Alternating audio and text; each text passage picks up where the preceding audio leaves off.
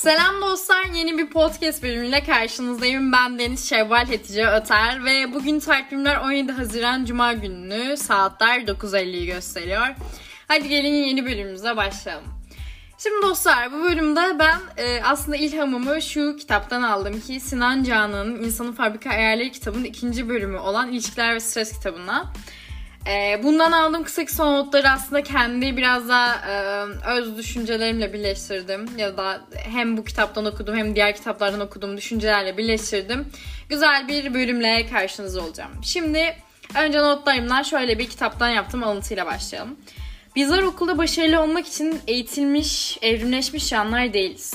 Esas işimiz kimsenin tahmin edemediği kaotik sorunlara kimsenin aklına gelmeyecek çözümler üretmektir diyor Sinan Canan. Bir insanın iyi yetişmesi için neler yapılması gerektiği, iyi yetişmiş bir insanın neleri iyi yapabilmesinin düşünüldüğüne göre cevabı değişen bir sorudur. Mesela itaat eden bir toplum değerlerine kökten bağlı, denileni ikiletmeden yapan ve sisteme tam uyum sağlayan uslu insan modeli amaç olduğunda o insanın yetişme düzeyinde yapılması gerekenler farklıdır. Yani aslında bu bizim şu anki e, özellikle eğitim sisteminin e, içinde e, en azından şu 5-10 senelik bir değişiminde de aslında oluşturmaya çalışan şey uslu insan modeli. Ee, ve daha çok göçmenlerle ortak bir şekilde pencereden bakabilen e, bir insan modeli ve aslında biraz da dinle devlet işlerinin veya dinle bilimin de e, yer yer çok fazla kesiştirilip ayrıştırıldığı tarzda yani aslında e, güzel bir şekilde e, sınırların çizilmediği bir eğitim sisteminin içinde e, bulunmaya çabalayan bir sistem görüyorum ben kendi adıma. Çünkü bence e, biraz daha nasıl diyeyim uslu insan modelinden şey yaratıcı insan modeli gelişmeli. Daha çok aslında kendini keşfetme odaklı bir pencereden bakmalı. Ben bunu şu yaşımda biraz biraz görmeye başladım. Yani hep bize denilen yani en azından benim hayatımda deneyimlediğim şuydu ki doktor mühendis ol en iyisi sen. Hayır belki o insanın yaratıcılık olarak farklı şeylere eğilimleri var. Belki çok güzel resim yapıyor. Ee, o yüzden bunların kullanılması gerektiğini düşünüyorum. Ben bugün dostlarla Emekan sahile gittim ve orada ders çalışmıştım. Ee, ve orada hani e, küçük çocukların da sergileri vardı ve hani atıyorum 7-8 yaşındaki bir çocuğun resmiydi herhalde o çizdiği ve sonra biz bu çocukları eğitim sistemiyle beraber oturtuyoruz bir masanın başında hareketsiz bir şekilde günlerce haftalarca dersini çalış. Üniversite sınavına gir sonra. Sonra işte iyi not alırsa git mühendis olsun veya işte doktor olsun ama bu çocuğun öndeki asıl yetenek resimse ve bu sanatta kendi ifade ediyorsa bundan mahrum kalıyor. Yani aslında kaybettiğimiz bir sistemde şu değil. Bir uslu insan yetiştirmek değil. Bir insanın kendini keşfetmesi ve kendi olmasının önüne koyduğumuz bariyerler oluyor. Dolayısıyla aslında eğitim sistemi bu yönde böyle değişmeli veya biz kendi sistemimizi kendimiz oluşturmalıyız diye düşünüyorum. Yaratıcı nev şans, şahsına münhasır, kendini gerçekleştirme cesaretine sahip ve sorun çözme yeteneği yüksek bir insan yetişmesi isteniyorsa yapılması gerekenler farklıdır diyor Sinan Canan.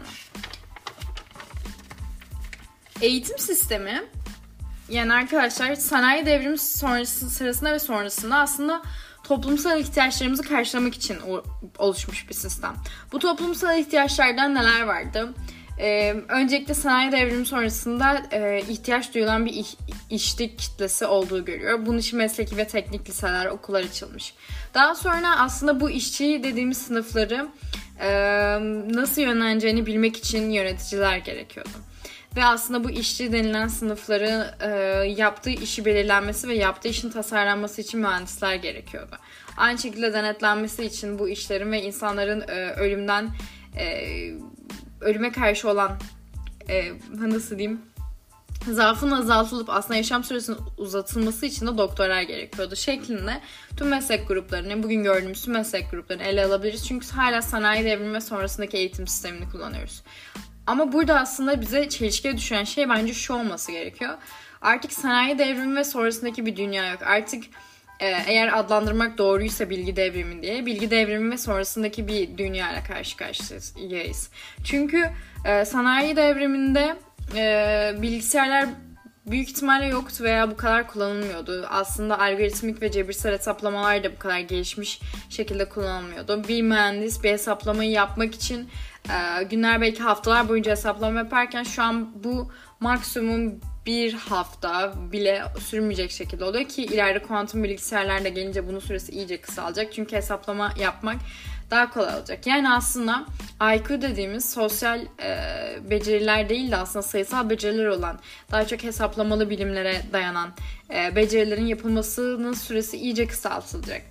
E, burada da aslında e, bizim hani sanayi devrimi ve sonrasında oluşan bu sayısal işleri yapan aslında teknik insanlardansa aslında bilgi devrimi sonrasında bize şu soru cevaplaması gerekiyor bence.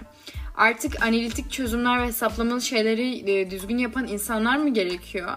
Yoksa daha yaratıcı şeyleri yapan insanlar mı gerekiyor diye düşünmemiz gerekiyor. Benim şahına münhasır bir insan olarak bulduğum sonuç şu ki bence yaratıcı insanlar gerekiyor. Çünkü zaten yapay zekanın ileride yani öngörülen 2025'ti. Sonra dijitalizmle daha da bu süre hızlandı ve şu an nasıl olur hakkında hiçbir bilgim yok. Ee, daha geçenlerde işte yapay zeka uyandı tarzında bir Google çalışanının haberiyle karşılaştık. Ee, bunları göz ardı ederek e, ve bunları aslında düşünüş size bırakarak bence şöyle ki e, bu hesaplamalı ve aslında hani bir işi matematiğe dönüştürülen kısmında çok da insana gerek kalacağını düşünmüyorum. İşin aslında yeni algoritmalar bulma ve yaratıcılığı kullanabileceği kısımda insanlara ihtiyaç duyulacağını hatta şiddetle insanlara ihtiyaç duyulacağını hissediyorum. Çünkü e, yapay zeka dediğimiz sistem bu hesaplamalı ve otomatik işleri belli bir süresince kadar yapabilirken e, belli bir noktada zaten yapay zekanın da hani nasıl diyeyim aslında gelişim aşamaları olarak nitelendireceğimiz yaratıcı olarak düşünme şeyi galiba bir, biraz daha sürecek uzun. E, diğerine göre daha uzun sürecek. Diğerinin çok yakın olacağını düşünüyorum. Ee, o yüzden aslında burada bizim karşımıza çıkan sorun şu olacak. Sanayi devrimiyle yetişen aslında otomatize işleri yapan ve daha çok böyle şu an bilgisayarların rahat yapabileceği işler olan işler ve e, bu şekilde yetkinlikler kazanan insanlardansa yaratıcı olup yeni algoritmalar üreten, bir şeyleri farklı bir şekilde bakış açısıyla bakıp e, multidisipliner çalışabilen insanların daha çok e, öne geçeceğini düşünüyorum. O yüzden bence bugün ve gelecek için arzu edilen şey burada Sinan Can'ın da belirttiği gibi yaratıcı ve yenilikçi hmm, ve e, bu farkla nasıl baş edebileceğimizle ilgili de şunları söylüyor Sinan Can'a e, hani bu sanayi devrimiyle gelen eğitim sistemi ve aslında sonrası şu an benim bilgi devrimi olarak adlandırdığım süreçten sonrası ile ilgili e, iki süreç olarak değerlendirirsek buradaki farkı nasıl kapatabileceğimizi düşünüyorken şu söyle şu cevaplara varmışsın Canan. E, burada önemli olan e, nokta şu ki bu fark şu şekilde sanayi devrimi ve bilgi devrimi olarak ayırdığımızda sanayi devrimi aslında bizim hala yetişmekte olduğumuz eğitim sistemi gibi düşün. Ama bilgi devriminde çok daha farklı bir sistem var. Ben bunu kendi hayatımda şöyle gözlemledim ki ne kadar okuldaki dersleri takip etsem bile hiçbir şey yeterli olmuyor. Okul için belli bir şeyler yeterli olsa bile bir, bir alanda uzmanlaşman veya aslında multidisipliner bir pencereden bakman gerekiyor. E, bunda sadece açıkçası ben kendi adıma online eğitimlerle ve işte YouTube ve işte diğer e, kullanabileceğim Coursera veya işte Udemy gibi kanalları güzel kullanarak bunu yapmaya çabalıyorum diyeyim. E, burada da Sinan Canan'ın önerileriyle karşınızda oluyorum. Her insan farklıdır diyor Sinan Can'a ve tek tip bir eğitim sisteminden kaçınmak gerekiyor. Kişiselleştirilmiş eğitim ve terbiye yaklaşımını öngörüyor aslında insanlar için. Eğitim ve aile içinde bunların yerleşmesi gerektiğini taraftarı. İkinci olarak yeni çağın sorunları yokluk değil çokluk sorunlarıdır. Bu arkadaşlar diğer bölümlerde de bahsettiğim gibi post ve sonrası gelen hakikatin önemsizleşmesi artık insanların bilimi, bilgiyi çok da önemsememesiyle bağdaştırabiliriz. Üçüncü olarak eğitimin merkezi e, toplumun kalkınması olmamalı, insan olmalı diyor. Yani eğitimin merkezi aslında bir işçi veya e, işveren veya işte bir güzel mühendis yetiştirmek değil, e, insanın kendini keşfetmesi odaklı olması gerekiyor. Burada çoğunuzun belki de aklına gelen şey olacaktır. Bugünün Türkiye'sinde bunu yapmak normal bir şey var. Böyle bir şey hani söylemek kolay tarzında diyebilirsiniz. Ama bence böyle olduğu zaman anlamlı. Yoksa çıktığımızda e, herkesin yapabileceği otomatize işleri yapıp işte e, bir robot gibi yaptığımız zaman şu an için belli bir şeyleri sağlasak bile hayatımızda belli bir süre sonra yaratıcılığımız ve aslında kendimizi keşfetmediğimiz için de kendimize duyduğumuz bir öfke olacak. Dolayısıyla ben kendi adıma en büyük hayallerimden, amaçlarımdan biri şövaletice dediğim kişiyi biraz daha keşfedip yakından tanımak. Çünkü e, insan aslında bunu diğer podcastlerimde bahsetmiştim. E, ben size ne kadar yabancıysam kendime de o kadar yabancıyım. O yüzden aslında en çok kendimi tanımak istiyorum.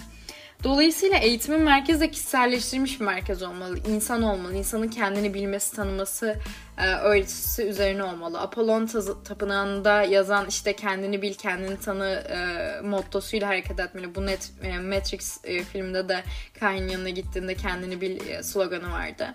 Bence bu olmalı ama bunu yapmak bence en zor şeylerden biri. Ben şahsen çok çabalıyorum. Bakalım bulacağız ya da bulmaya çalıştığımız noktada güzel hissedeceğiz diyelim. Dördüncü olarak biyolojik ayarlarımıza uygun ekosistem sağlanmalı. Yani her türlü koşula uyum sağlayan, sağlıklı yaşam sürdüren insan yetiştirme eğiliminde olmalı diyor.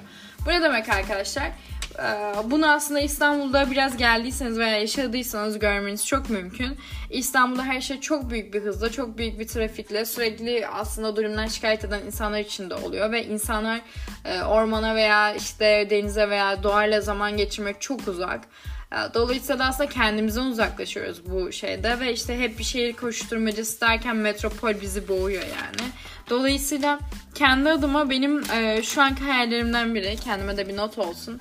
E, ben kendi lisansım bittikten sonra burada yaşamayı düşünmüyorum. Gidip doğayla iç içe olabileceğim güzel bir sahil kasabasında bir yerde hayatımı sürdürmek istiyorum.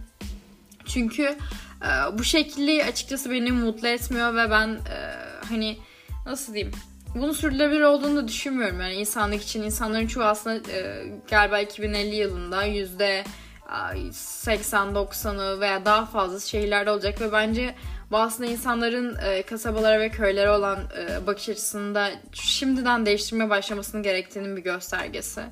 E, çünkü bu kadar kalabalıklaşacak, kalabalıklaşacak olan şehirlerde yaşam zaten çok zor olacak ee, ve bu kadar karmaşıklık, bu kadar kısa bir ömür için bence değmez diye düşünüyorum ben kendi adıma. Yine her şey sizin kendi tercihi. Dolayısıyla e, bunların sonucunda vardığım sonuç bence şu olmalı. İnsan olarak birazcık insanın kendisine dönmesi gerektiğini düşünüyorum.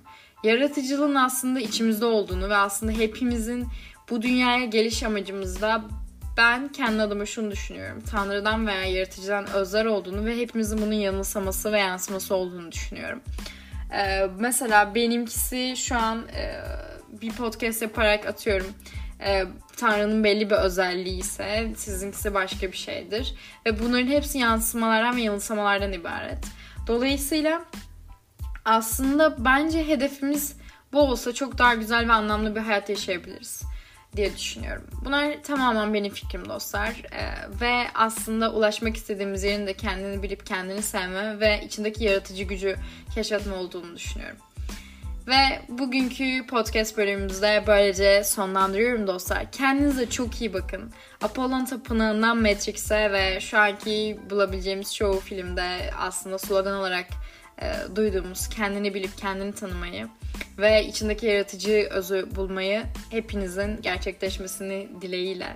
Kendinize çok iyi bakın. Kendinizi çok iyi e, kollayın, sevin. Kendinizi bilin. Ben şey öğretici. Bir dahaki bölümde görüşmek üzere. İyi günler.